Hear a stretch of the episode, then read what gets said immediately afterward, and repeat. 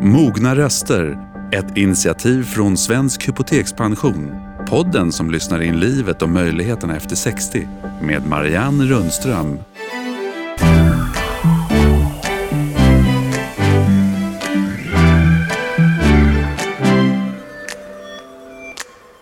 Varmt välkomna ska ni vara. Podden älskar ju att möta 60-plussare som inte stänger igen möjligheternas dörrar utan snarare fortsätter att utvecklas och slå in på nya vägar.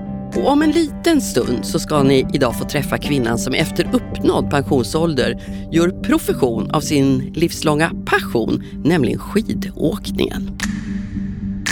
Och vi möter också i det här avsnittet vinterns och mörkrets räddare i nöden, designern Pia Wallén. Ni känner igen hennes filtar, jag lovar.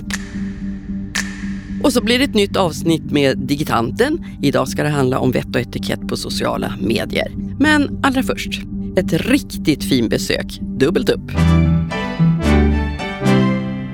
Ja, vi närmar oss högtidernas och festligheternas kanske viktigaste månad. Möjligen har ni bästa poddvänner redan börjat planera julbordet. Måltidsintresset bara ökar bland nördar, innekockar, men inte minst vanligt folk och kanske speciellt när man passerat tiden i livet när fiskpinnarna räddade tidsbristen och måltiden kan bli både ett större intresse och få större betydelse. Sverige är också en högt rankad måltidsnation och 2023 så blir Stockholm Europas gastronomiska huvudstad. Då blir det snärjigt för er gästerna som jag har här i studion nu. Carl-Jan Granqvist, Karsten Turfjell, välkomna. Tackar, tackar. Ja, det blir ett snärjigt år sannolikt. Kul år! Och kul år ja. ja. ja. Det ser man fram emot. Ja, Egentligen är ni här för att ni har kommit med en fantastisk bok faktiskt. Som handlar om Sveriges gastronom, eller Sverige som gastronomisk nation. En mm. global succé, skriver ni. Vad har gjort Sverige till det, Carl Jan? Det är ju en resa som har gått ganska snabbt. Och kanske jag brukar säga att 1970 var det mindre än 5% av svenska folket som någonsin hade druckit vin utan när man gick till nattvarden. Och idag är Sverige den population som dricker mest champagne per capita på jorden. Och det måste man säga ett under. Hur kan man i grunden förändra sitt intresse? Att måltid med alla dess ingredienser är ett sånt allmänt in, ja, förtjusning för så många. Mm. Det kan man fundera över och det är väl det att Sverige är ett väldigt kollektivt tänkande folk. Så gör några så, då gör alla likadant. Och, och därför är ju Sverige ett populärt land egentligen att göra tester på.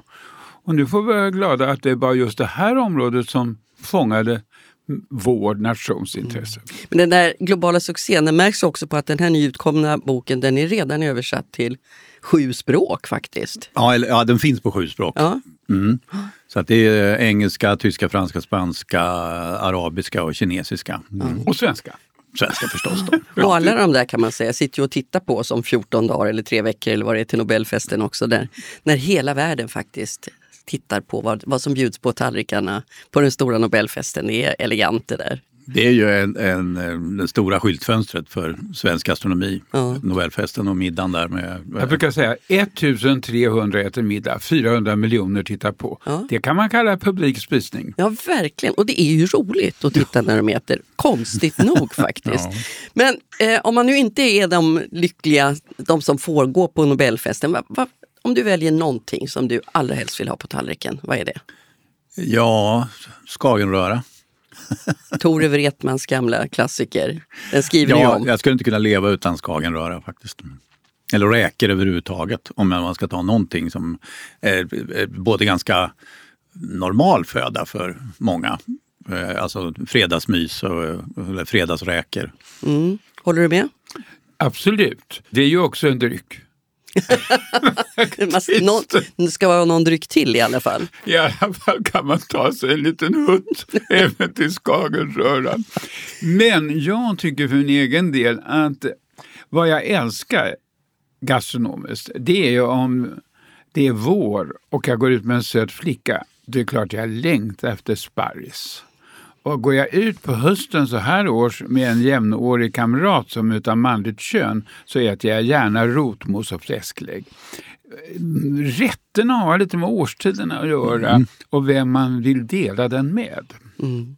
Men där finns ju också ett uppslag i boken där Sissela Kyle, tidigare poddgäst här också, säger att eh, den klassiker som snart hamnar på vartenda julbord, nämligen Janssons frestelse, det skulle hon kunna äta varannan dag. Ja. Vad är det som gör att vissa rätter liksom pallar med det, att man kan äta dem varannan dag? Jag tror också jag skulle kunna göra det.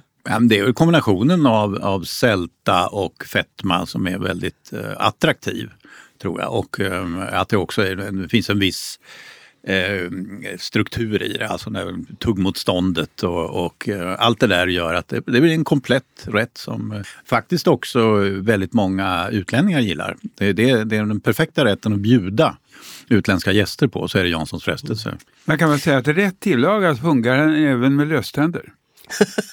Har du provat? Nej, då får, då får den vara liksom, ja, Nej, men, ganska men, hörni, alltså, mjuk och gräddig. Men uppskattar branschfolk och vanligt folk olika saker? Nej. Det vet jag inte. När man tänker på kockar, de vill ju helst äta pannkakor och sånt. Eh, alltså man äter ju ofta innan eh, middagsservicen då vid fem, fyra, fem där någon gång. Och eh, jag vet ju av tradition när jag följde kocklandslaget till exempel, så de ville ju äta sån mat eh, makaroner och köttbullar. Vanligt. Eller, ja, vanlig mat Kö, alltså som man lassade käk. in och, och eh, så, ja, sån här tröstmat kan man säga. Ja. Sånt som är bara gott helt enkelt. Vi möter ju många av de där stjärnkockarna i boken. Det är en fantastisk resa man faktiskt får göra där. Men gemensamt för dem allihopa det är att de, de poängterar råvarans betydelse. Är Sverige ett av de bästa länderna också när det gäller råvaror? Sverige är absolut världens förnämsta plats att odla på. Det beror på några få saker, nämligen Golfströmmen. Och därför kan man odla i ett arktiskt klimat. Det kan man inte göra någon annanstans och det ger fler soltimmar än i Bordeaux. Det andra är att vi har unga jordar därför vi har haft inlandsis. Och det tredje är att vi har en bergskedja mot Norge så vi har rätt nederbörd. Det här är de förutsättningar för att göra utsökta råvaror. Men vi har ett kollektivt tänkande folk som bara tuggar och sväljer och inte reflekterar. Då skulle jag vilja återkomma till Janssons frestelse. Är det okej? Okay? Ja, visst. Man kan aldrig få för mycket av Janssons frestelse. Nej, för man måste ju ändå komma ihåg vad är det jag njuter och vad jag tycker är äckligt. Jo, det är ett möte av mina sinnen, nämligen ögon, näsa, munhåla och öron. Och då är det en kemisk reaktion som går upp i hjärnan och där möter den dina tidigare erfarenheter och kunskaper. Och då uppstår det en syntes i din hjärna. Det här tycker jag om eller det här tycker jag inte om. Och då är det så att en skåning älskar kanske spettekaka. En närking tycker det är förskräckligt. Varför det? Jo, därför att en närking sparar allting för den är lite småsnålig själv. Nu är jag en närking så jag kan faktiskt säga det och vet det. Men då sparar man spettekakan i en plastpåse och sen tar man upp den efter ett år och då serverar man den torr och då faller den ut i munhålan som ett pulver och smakar ingenting. Medan en skåning vet att du måste sätta ut den så den har 70% luftfuktighet. Öppna små hål i spettekakan så fukten kommer in och då blir den seg och läcker. Så att det som är gott är också en kulturhistorisk kontext. Mm. Men eh, inställningen till råvaror har ju förändrats och det är lite grann eh, alltså att vi har haft dåligt självförtroende i Sverige i förhållande till våra råvaror. Eh, har bara trott att det är, de från Frankrike är mycket finare och, och kockarna tänkte ju regelmässigt så för 40 år sedan när det nya franska köket eh, etablerade sig, 70-80-talet. Men vi har sakta men säkert blivit, eh, alltså eh, kockarna har kommit närmare eh, råvaruproduktionen, närmare lantbrukarna och, och producenterna och, och, lärt sig också väldigt mycket. Tidigare så skrev man en beställning och så kom bilen och levererade. Men nu, nu är de ute och, och kramar grisarna och, och alla sådana saker. Så det har betytt mycket att vi har fått ett bättre självförtroende för råvarorna. Sen hela idén med boken är ju att det inte bara är kockarna som är aktörer. För de har ju varit, verkligen varit emblem för den här utvecklingen i sina fina vita kockjackor. Och, eh, nu är det ju det så många andra som faktiskt har bidragit, inte minst från själva produktionen, grossister och sådana som är otroligt duktiga på att vara talangscouter och hitta småproducenter och, och, och, och man, man, märker ju hantverks eh, hantverksprodukter har ju blivit väldigt attraktiva också. Mm. Och folk eh, som är mm, intresserade av mat och måltid har ju också blivit yngre. Tidigare så var ju intresset det är som du brukar säga Karin, att, att uh, har man inga, inga bra konsumenter så blir det heller ingen, ingen vettig måltidskultur. Alltså man måste vara krävande. Och nu, nu är det ner i åldrarna, 25-årsåldern, så är ju uh, många människor lika matintresserade som Eh, min generation var när man kom upp i medelåldern och började liksom stadga sig och då började intressera mm. sig mer för att äta gott. Och Men vi bättre. får ju också en skjuts faktiskt. Så fort man sätter på en tv-apparat så, så är det ett kockprogram mm. eller tävlingar.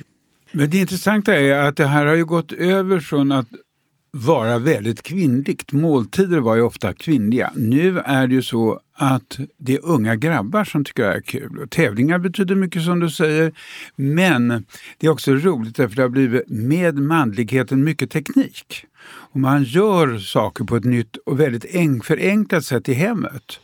När, när, när jag växte upp var ju alla killar älskade att hålla på och meka med en moped. Numera mekar varje kille i köket. Mm. Många i alla fall. Det, ja, många. Många, många fler, det måste man ju säga. Och sen har ju köket gått ifrån att ligga bakom kulisserna till att flytta in i vardagsrummet. Mm. Det är också intressant. Men vilken betydelse tror ni att de här programmen har? Så när jag var liten kom jag ihåg Folk och Olhagen, det skriver ni om också, som kokade pasta. Liksom. Då var det radio. Och du har ju sysslat jättemycket Karsten med, med måltidsprogram på, på radio. Mm. Men vilken betydelse har det här tror ni för det ökade måltids... Jag vågar inte säga matintresse för då hugger du Carl Jan. men måltidsintresset. Ja, det kan man väl säga att om inte man är medial så blir det inget intresse. Media betyder ju allt. Nej, men jag menar hur, hur påverkar det folk? Ja, man, en ganska komisk effekt tycker jag det är ju det här med årets, eh, alltså den, den juniormästerkockarna som tävlar. Alltså det är, det är ju små barn som har suttit och tittat på tv mm. och sen så jag ska bli sån här. Mm. Och, och, och, de, är ju, de är ju så fenomenalt duktiga så man, man svimmar ju nästan. Alltså det, jag kunde aldrig tänka mig att det skulle bli en sån utveckling. Så det är klart att många eh, har säkert inspirerats mycket av det här och eh, dessutom så har man ju fört in amatörperspektivet i det. Att det är, det är entusiaster, alltså inte proffs som tävlar också i Årets Mästerkock och så, alltså, eller halvproffs. Mm. Det där är att, att, att vem, en, en duktig uh, matälskare kan också få tävla. Och sen har man ju de där riktiga elittävlingarna också, Mästarnas. Det, det finns uh, alla nivåer. Men samtidigt tror jag, ja en del har ju, över, har ju uttryckt en viss mättnad så fort man slår på tvn står någon och rör i en gryta och, och, och, och visar och grejer. Eh, det, det, kan ju bli lite tjatigt ibland. Mm. Men jag måste återgå till min uppväxt. Inte skulle min pappa ha gått ut i köket, det var otänkbart. Sedan så kom det här med novisen vid spisen och då gick pappa en kurs och laga mat. Idag är det så att i det breda umgängeskrets jag är i så kan vi säga att det är mera män som lagar mat än kvinnor. Kvinnorna tar hand om bokföringen och männen lagar maten. Ja, eller vardagsmaten. Mm. Men vi träffar ju väldigt många av de här stjärnkockarna genom historien i, i er bok. Det är jätteroliga möten där faktiskt. Vem är Esset i Sverige? Tore är det din Skagen? Ja, det är Tore Wretman. Eh, om man ska ha en portalfigur så är det förstås Tore Wretman som ju eh, vigde sitt liv åt att också lyfta upp Eh, eh, branschen. Eh, inte bara kocken utan hela branschens rykte och position. Man kan säga att om vi tittar historiskt så är den som bryter det här mönstret från att bara vara föda, det var Karl XIV Johan. Så där får vi det första steget.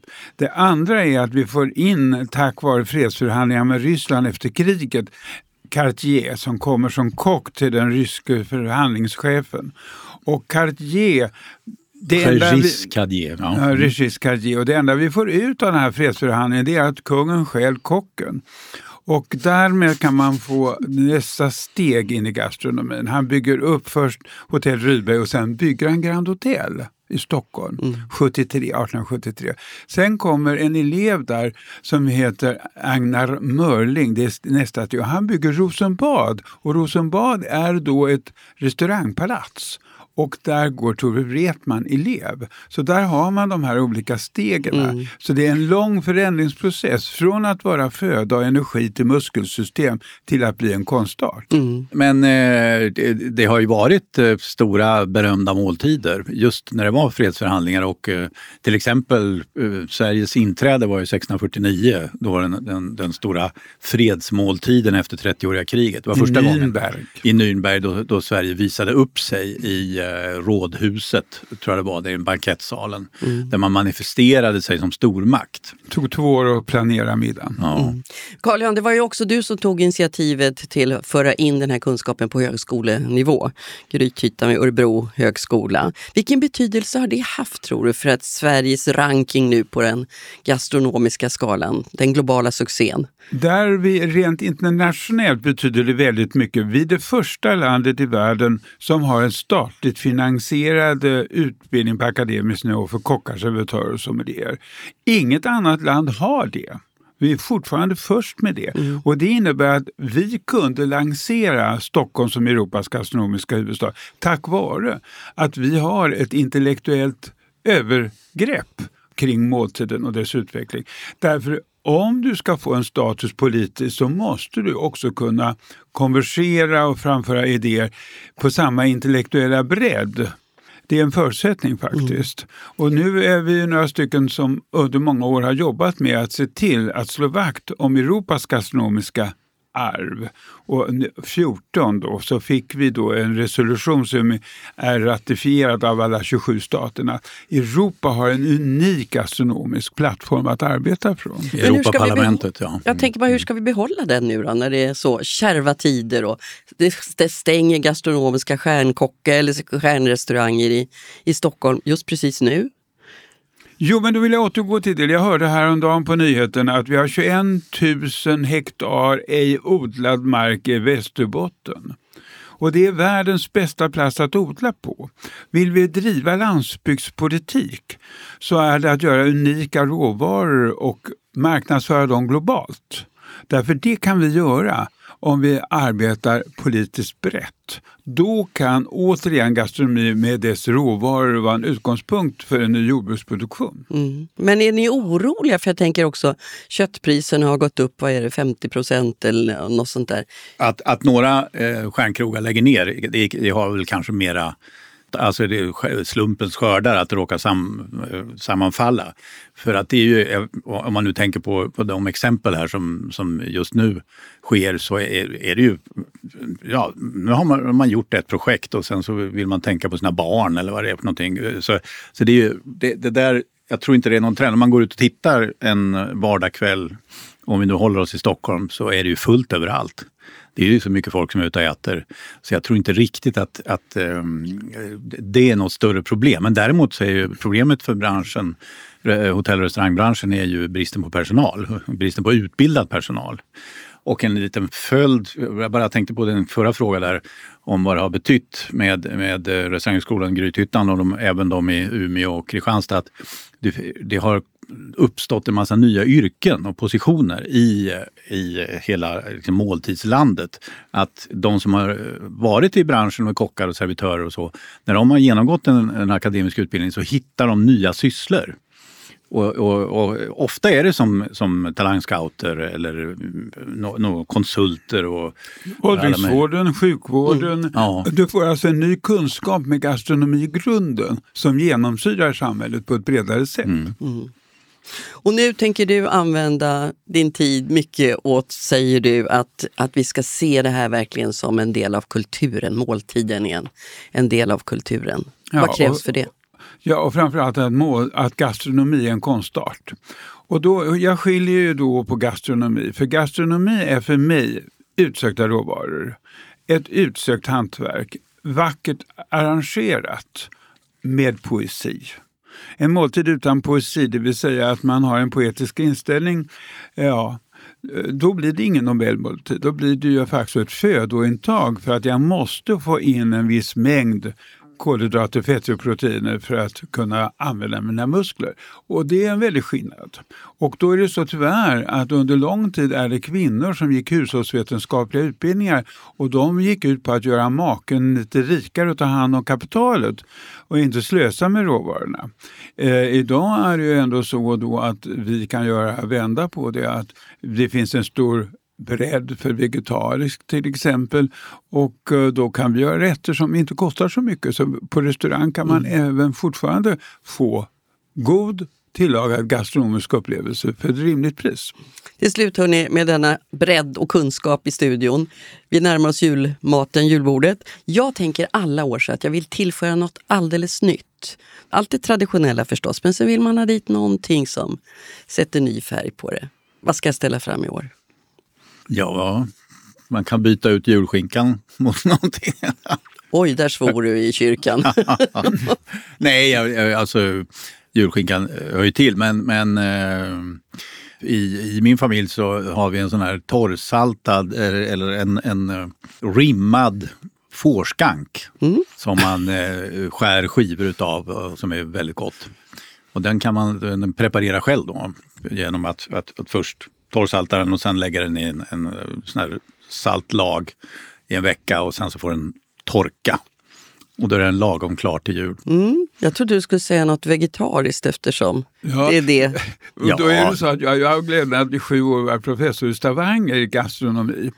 Och då, där äter man ju alltid torsktunga eller man äter får. Torsktunga? Ja, det är vansinnigt gott. Faktiskt det bästa man kan tänka sig. Men de där stora torskarna, du vet. Sedan så äter man ju alltid där fårskalle. Men jag tror också att man kan göra väldigt mycket skojigt vegetariskt. Ja. Och göra väldigt vackra eh, aladober på grönsaker. Som får stå där och dallra igenom. det är härligt. Men det med fårskalle släpper vi, annars så släpper vi också lyssnarna tror jag, ganska många i alla fall. Men på tal om julen, avslutningsvis Karsten, nybliven pensionär, du avtackades storstilat med kockmössa bland annat. Ja. ja. Och nu undrar varenda kotte som sitter och lyssnar på, blir det inget dagen före julafton med Karsten Thurfjell och Gunnar Bolin. Jo då, det blir det. Och det roliga är att, apropå Norge, att vi, vi kommer åka till Trondheim och Tröndelag. Vi ska inte kanske spana efter fårskallar, vi får se. Men, men vi tänker förstås ta reda på vad äter man till jul i eh, Trondheim. Vilket bra besked så här på slutet. Ja. Tusen tack för att ni kom. Tack. Det var jätteroligt att ha er här. Och er fina bok. Ja, det är en bra julklapp. Ja, det är det. Det är det verkligen. Svensk gastronomi, en global succé. Vi lyssnar på landets mogna röster.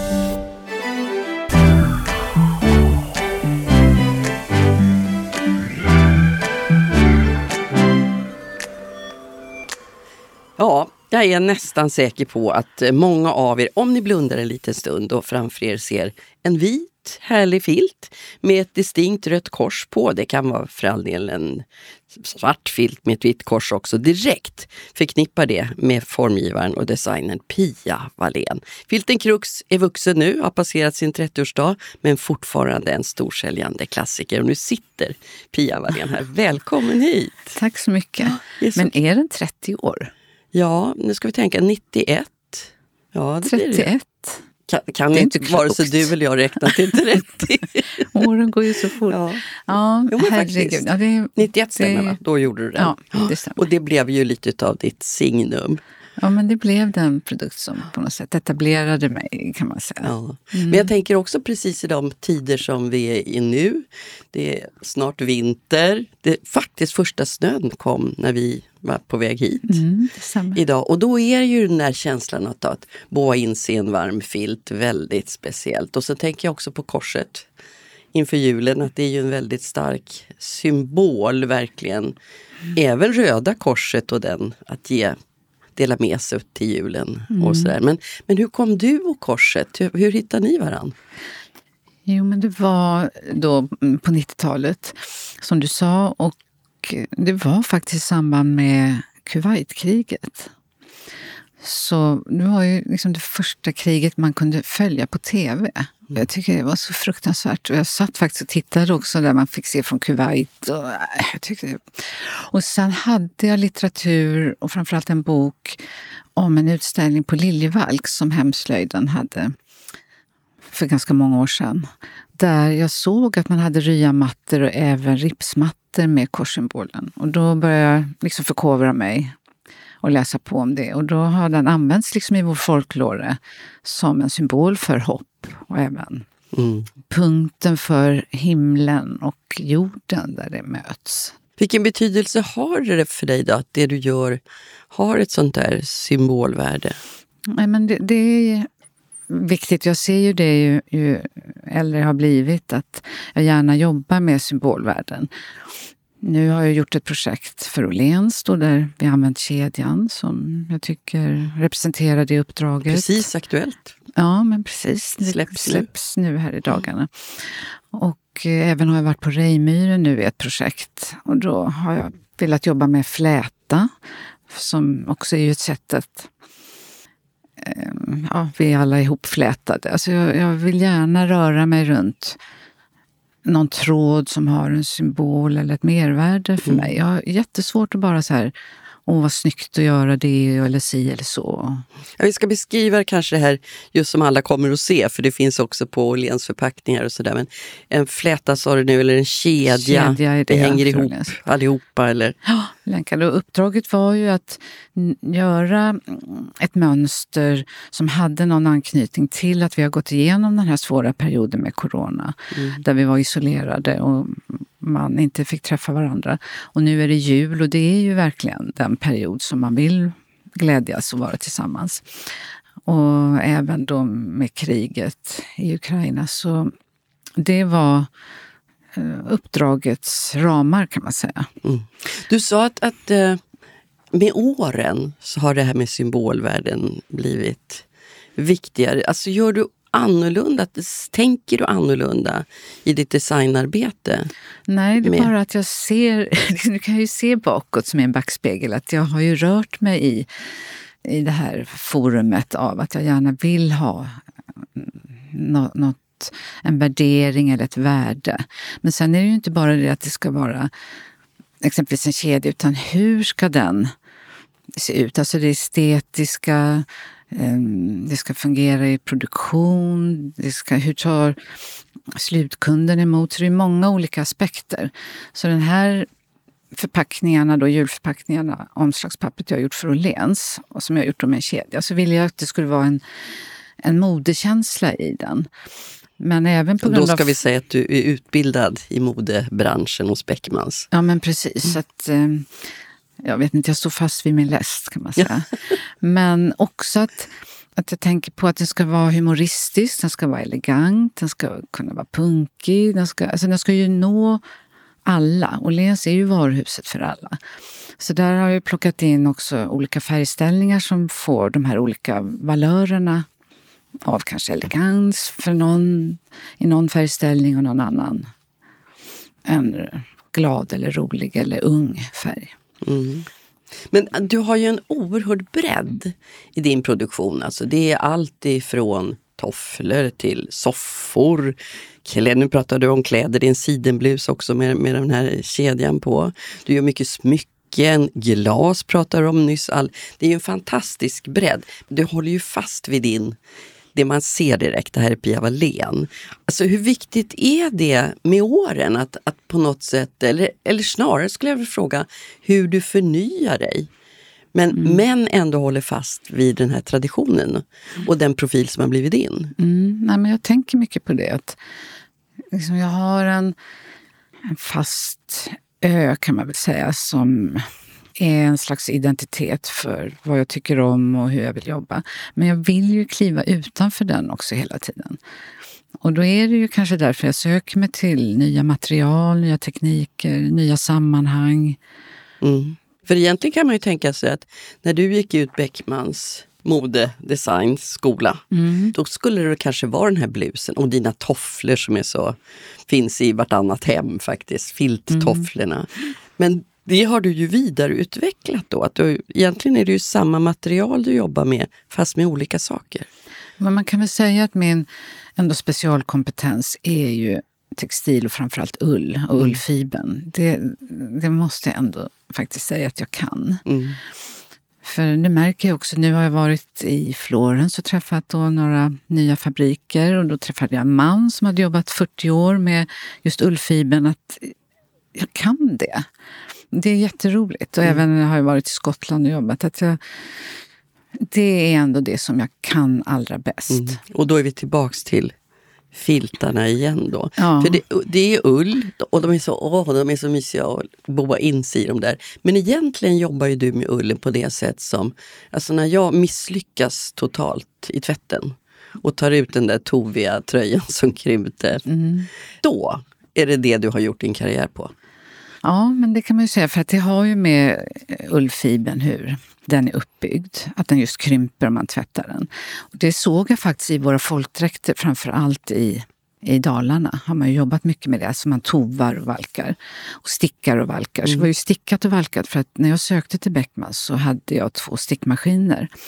Och gjorde tröjor och sålde tröjor. Och sökte med de här tröjorna. Och sen liksom Sen löste jag alla skoluppgifter med min stickmaskin. Och då till slut utställningen, för då hade jag Barbro Grytnes som lärare och vi tittade mycket på folklore. Eh, och då såg jag just det stickade och valkade och då gjorde jag metervara, tvättade i maskin och sen syddes kläderna. Så det gjorde jag hela min slututställning. Och sen efter skolan så fick jag, eh, då gjorde jag en kollektion som visades i en butik i Stockholm och då fick jag Moderådets designpris. Och då hörde NK av sig till mig och då fick jag en order från NK Trend som skulle satsa på svenskt då på hösten. Och med den orden i handen så var det ju mycket lättare för mig att åka ner runt Borås och träffa olika stickfabriker eh, och få göra en kollektion. Och då blev det ju inte att man valkade tvättmaskin utan då fanns det ju färgeri, Sjuhäradsbygdens färgeri, som hade valkar. Så man gjorde det mer industriellt. Men det är ju, du beskriver ju en helt annan tid nu, för de där fabrikerna finns ju inte kvar längre i Sverige nej, överhuvudtaget. Nej, alltså, vi är ju väldigt vinklippta. Och många... Den här maskinparken har ju försvunnit till stor del till Estland, Lettland. Och vissa fabriker finns ju kvar fast en annan typ av produktion. Men jag känner också så här, jag var ju eh, ung och hade små, gjorde små serier. För mig blev det ganska svårt att fortsätta. För jag kände att det var lite för stort steg för mig att börja jobba med Kina eller Portugal, Turkiet. Så att, mm. då kom jag ju in lite på mattor, andra typer av textilier och jobba, börja jobba med industrifilt. Mm. Fast nu har det blivit så tydligt. Det är andra tider. Det visades ju inte minst och från början av pandemin att nu ska vi egentligen vara självförsörjande på allting. Inte mm. behöva titta utanför. Det var ju hemskt mycket problem med, med leveranser och är fortfarande och sådär. Och nu är det krig i vårt närområde. Mm. Tänker du annorlunda i din produktion? Just med hur det omgivande samhället påverkar?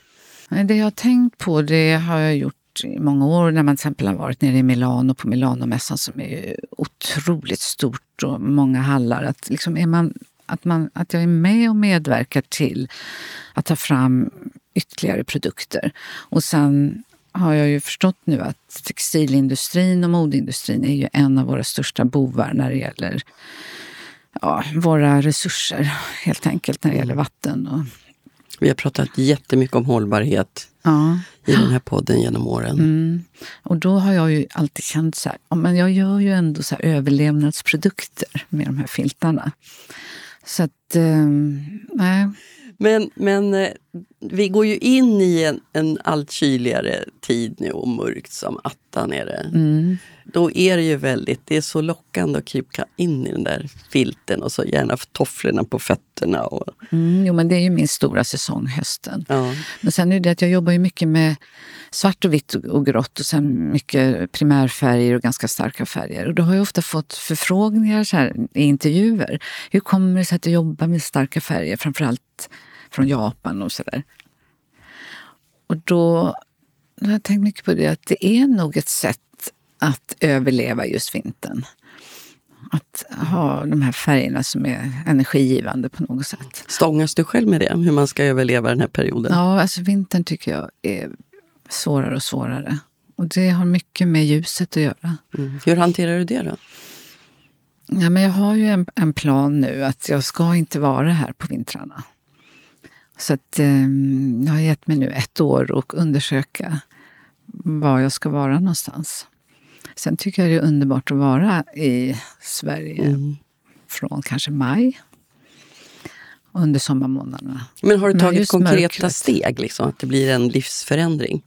Mm, ja, men det har jag gjort. Det har jag gjort. Men det är en annan historia. Det är, en, det är inte därför det lär sig. Historia. Nej, men det, där, det är, många känner ju igen sig i det där. Och jag tror att det faktiskt har lite med ålder att göra. Att det är så många som säger att jag har svårare och svårare för mörkret och, och kylan. Och det händer ju något med men man kan ju se det i människors ansikten tycker jag när kylan kommer. Att det, det stängs mm. till av liksom. Mm. Ja, men jag, jag märker att jag nog går mer och mer i det på vintern. Vad händer med produktionen då, när du går i ide och kanske nej, men kommer då, då? Nej, men då tänker jag ju så här att jag ska jobba mer utomlands. Det är liksom min plan. Och det är därför jag nu har varit också i Florens och Venedig. Och um, för att träffa alla olika fabriker. Jag har sökt nu ett um, Art in Residence i Florens som jag hoppas att jag får. Så att jag kan jobba mer på nära håll. Uh, och jag jobbar ju också med smycken i Florens och även med med mina filtar och sjalar och ullprodukter. Mm. Och att den kollektionen kanske utvecklas. Så att jag, ja, vi får se. Vi får se mm. vad som händer med mm. dina produkter då när du har andra förutsättningar ja. att jobba under. Vad spännande. Ja. Och sen är det ändå så att man har Alltså jag sitter ju ganska själv på kammaren med mina idéer och, och jobbar ju med papper och penna. Så mm. att jag kan göra det i stort sett var som helst. Men det är ju nästa steg som med produktion.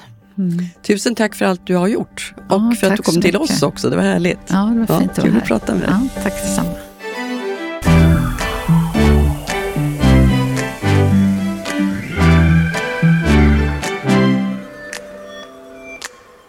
Ja, har ni tänkt på att det där med att passera 60 också kan vara en möjlighet att förverkliga och verkligen ägna sig åt passioner som följt genom åren men som fått maka på sig när livet har varit inställt på turbohastighet för andra saker.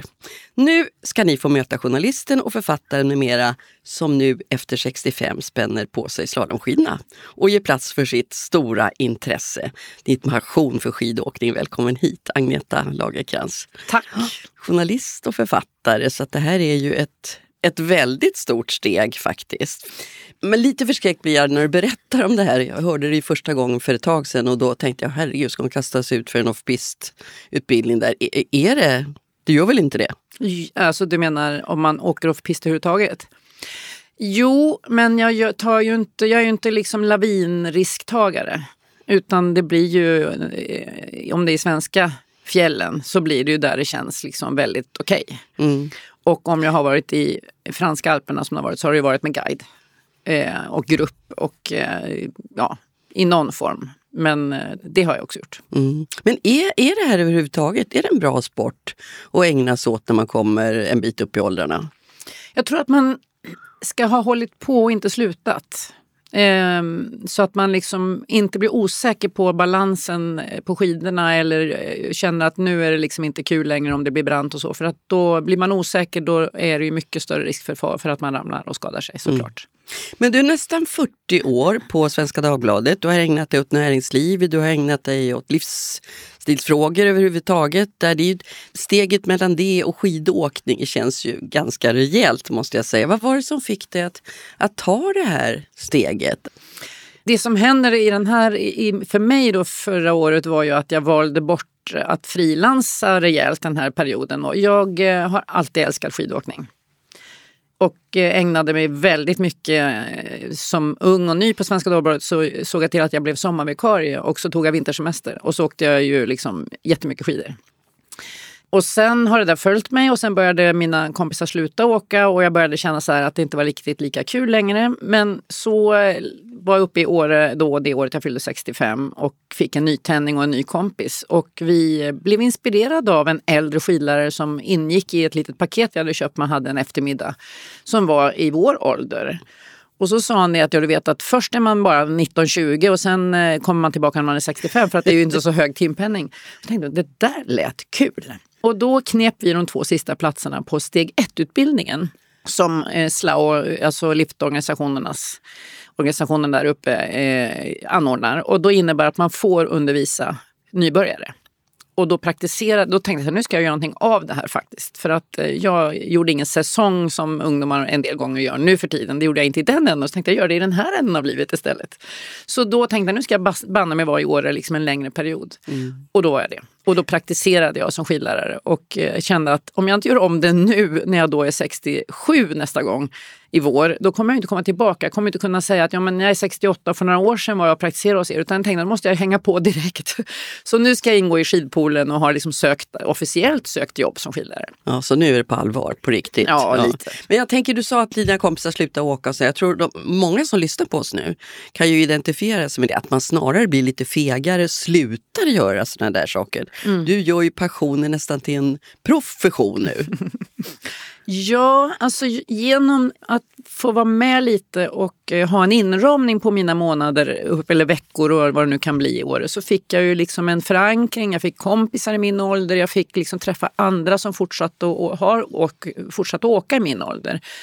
Och jag tror det handlar om att vi inte slutade och jag tror inte man ska hålla på med för att är man rädd och känner att det inte riktigt längre känns säkert, då blir det inte lika roligt. Utan man måste ha kvar sin känsla för att det här funkar och att man liksom kan eh, ha kul i backen. Mm. Är det huvudtanken? Jag ska ha kul i backen. Absolut. Jag skulle inte åka om jag inte... Och jag tycker det är jättekul. Mm. Och det roliga är den här nytändningen jag fick med skidåkning. Från känslan av att nu har jag gjort det här. Liksom, och Eh, ja, that, been there. Men det känns inte så längre. Mm. Det är jättekul. En jätteinspiratör tycker jag faktiskt. Att man kan öppna dörrar som visserligen är välbekanta men som man, många slår igen just av åldersskäl. Som man kanske egentligen inte alls behöver. Men du, jag tänkte vi skulle ägna oss lite grann åt ditt, eh, den andra sidan utav dig också.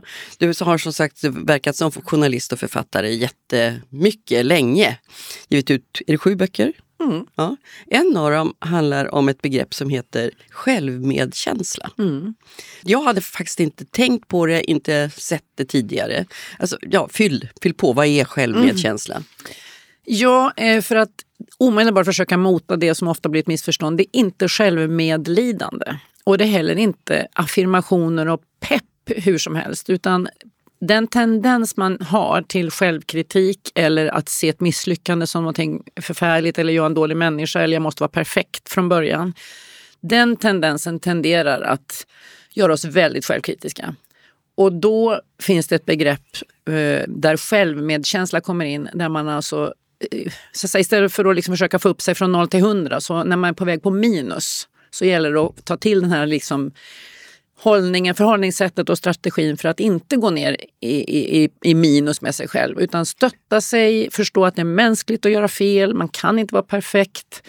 Kanske liksom höra hur man låter mot sig själv, vilket man ju inte skulle göra mot någon annan. Mm. Om man lyssnar på hur man pratar med sig själv och försöker översätta det till att man skulle prata på det sättet med någon annan skulle man bli ganska förskräckt. Men varför är det viktigt att tycka om sig själv? Alltså, vår tid är full av proppmätta mm. egon. Mm, precis.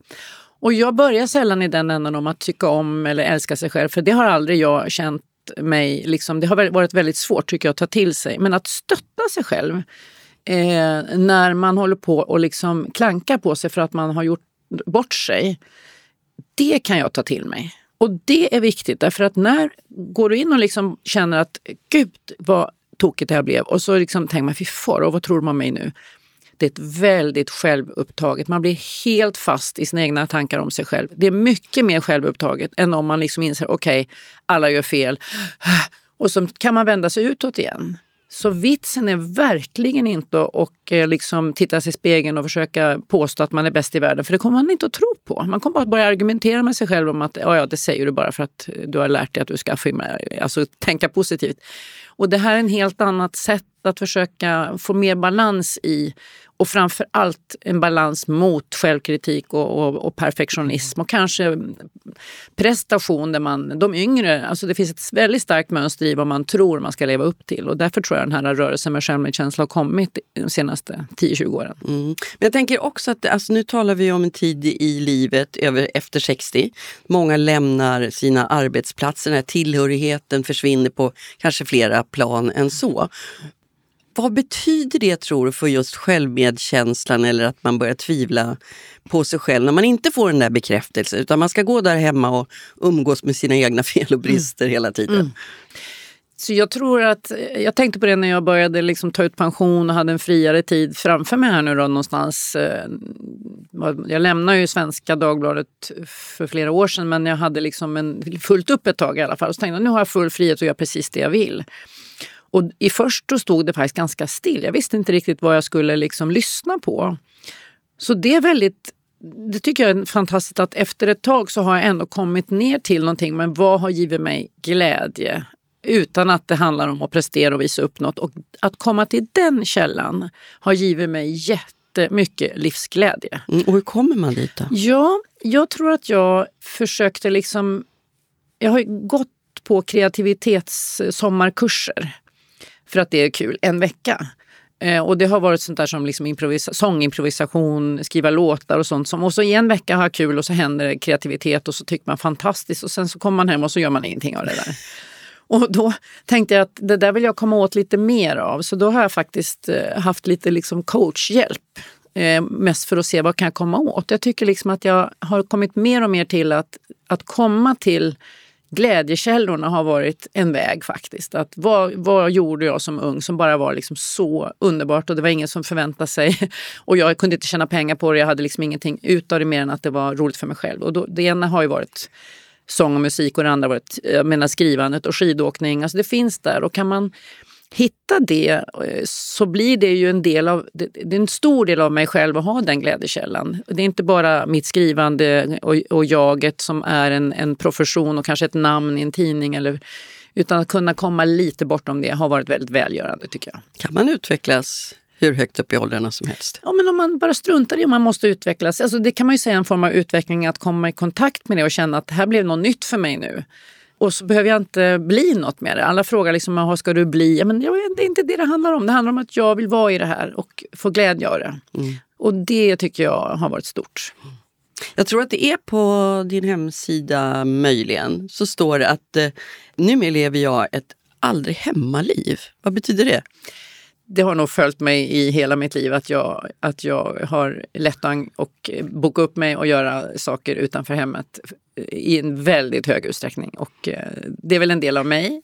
Och ibland mår jag väldigt bra av att eh, våga vara hemma själv för att jag tycker det är jobbigt. Och känner liksom, jag menar apropå när man inte har tillhörigheten med jobbet och så, så kan det vara eh, starkt förknippat med att man känner att, ja, vem är jag då? Och eh, ensamhet eller känslan av att man inte egentligen alltså alla andra har massa vänner och alla andra och sådär. Så att då bokar jag upp mig. Så det är klart att det finns, alltså man har fort, jag har fortfarande sådana känslor om mig själv även om inte jag lägger det i det professionella. Liksom. Så mm. man är ju en Men är det ett nödvändigt ont eller är det snarare ett sätt att ta tillvara på en frihet som man faktiskt får det som är äldre? nog lite båda delarna och jag försöker hitta en balans i att det är, att det liksom är, jag är extrovert på många sätt men jag skulle behöva odla lite av det introverta. Men mm. jag har väl börjat ge mig själv liksom lite klapp på axeln av att ja, men det är också så jag är. För att eh, många har ju klagat på att jag aldrig är hemma och då har jag ju naturligtvis tagit det mot mig själv också. Och anklagat mig själv för att jag aldrig kan vara stilla. Mm. Apropå vad man gärna håller på med mot sig själv. Mm. Men det finns ju också ett annat liv med barnbarn och sådana ja. saker som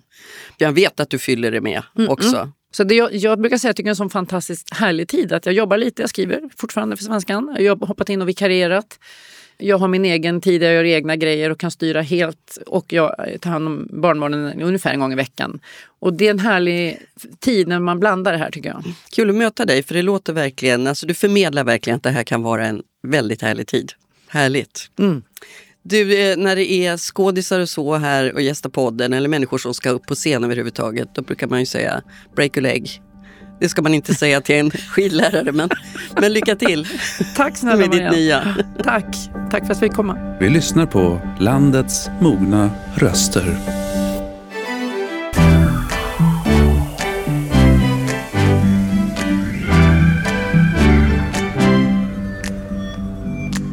Är det dags för Digitanten som hjälper oss bli fener på det nya i världens kanske mest digitaliserade land. Idag om vett och etikett på sociala medier. Del 2. Sociala medier. Enkla riktlinjer för netikett.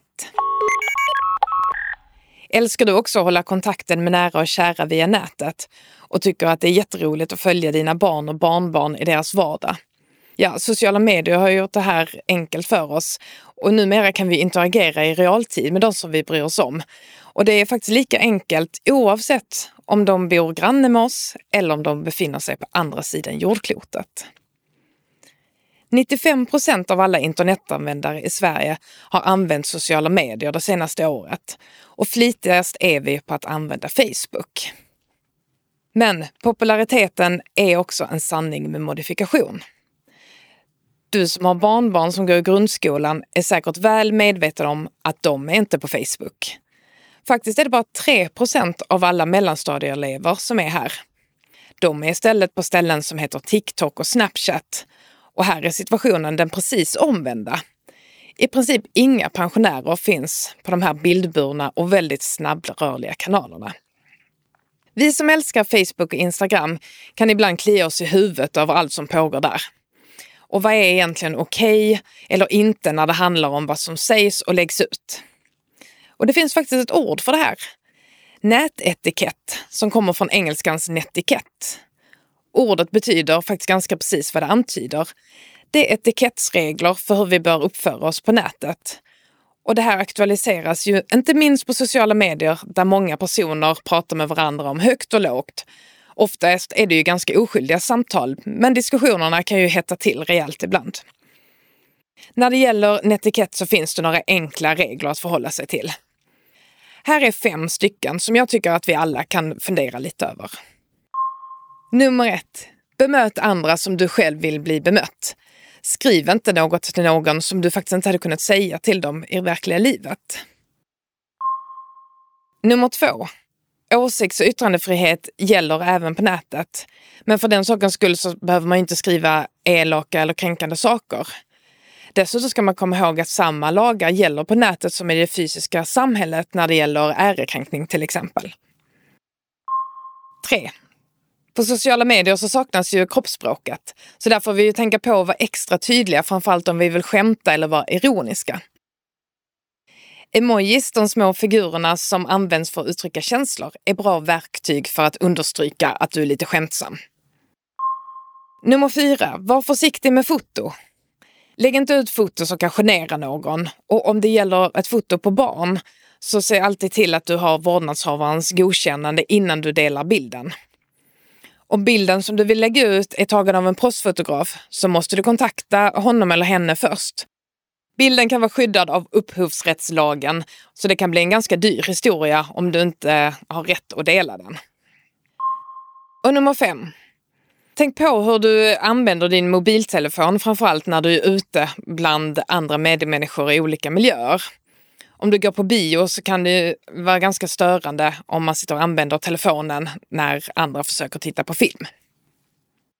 Det pratas mycket om näthat och som jag sa så gäller samma lagar för alla typer av kränkningar och hot på nätet som det gör ute i det fysiska samhället.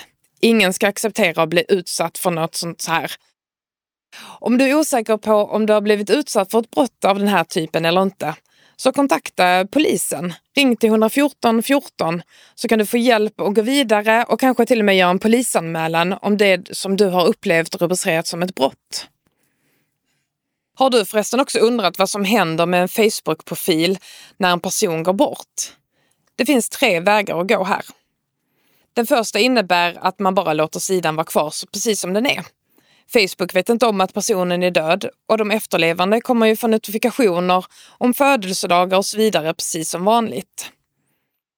Visste du förresten att en uträkning har visat att det år 2100 kommer att finnas nästan 5 miljarder döda personer på Facebook? Det här sociala nätverket håller alltså på att utvecklas till en enorm digital kyrkogård. Ett andra alternativ är att ens Facebook-sida omvandlas till en så kallad minnessida så att alla som besöker den kan se att personen i fråga inte längre finns kvar i livet. För att göra det här behöver man utse vad Facebook kallar för en efterlevande kontaktperson. Och detta gör man under inställningarna på sin profil. Ett tredje alternativ är att ta bort profilen helt från Facebook. Också här behöver man utse en efterlevande kontaktperson och under inställningarna uppge att man vill att kontot tas bort efter att man har gått bort. Mogna röster, ett initiativ från Svensk Hypotekspension. Tack för att ni har varit med oss idag, både medverkande och lyssnare. Och ni där hemma, ni vet väl att ni kan prenumerera på Mogna röster. Det gör ni på Svensk Hypotekspensions hemsida. Vår gästlista är ju lång och fylls ständigt på. Var med och påverka vet jag. Vem vill du höra bland alla inspirerande mogna röster? Mejla till podden at hypotekspension.se med era förslag. Det här är ett initiativ från Svensk Hypotekspension. Producent är Jesper Tillberg, ljudtekniker Marcus Sjöberg och ljudmix Oliver Börnfeldt. Och alla de där har jag som heter Marianne Rundström nöjet att få samarbeta med.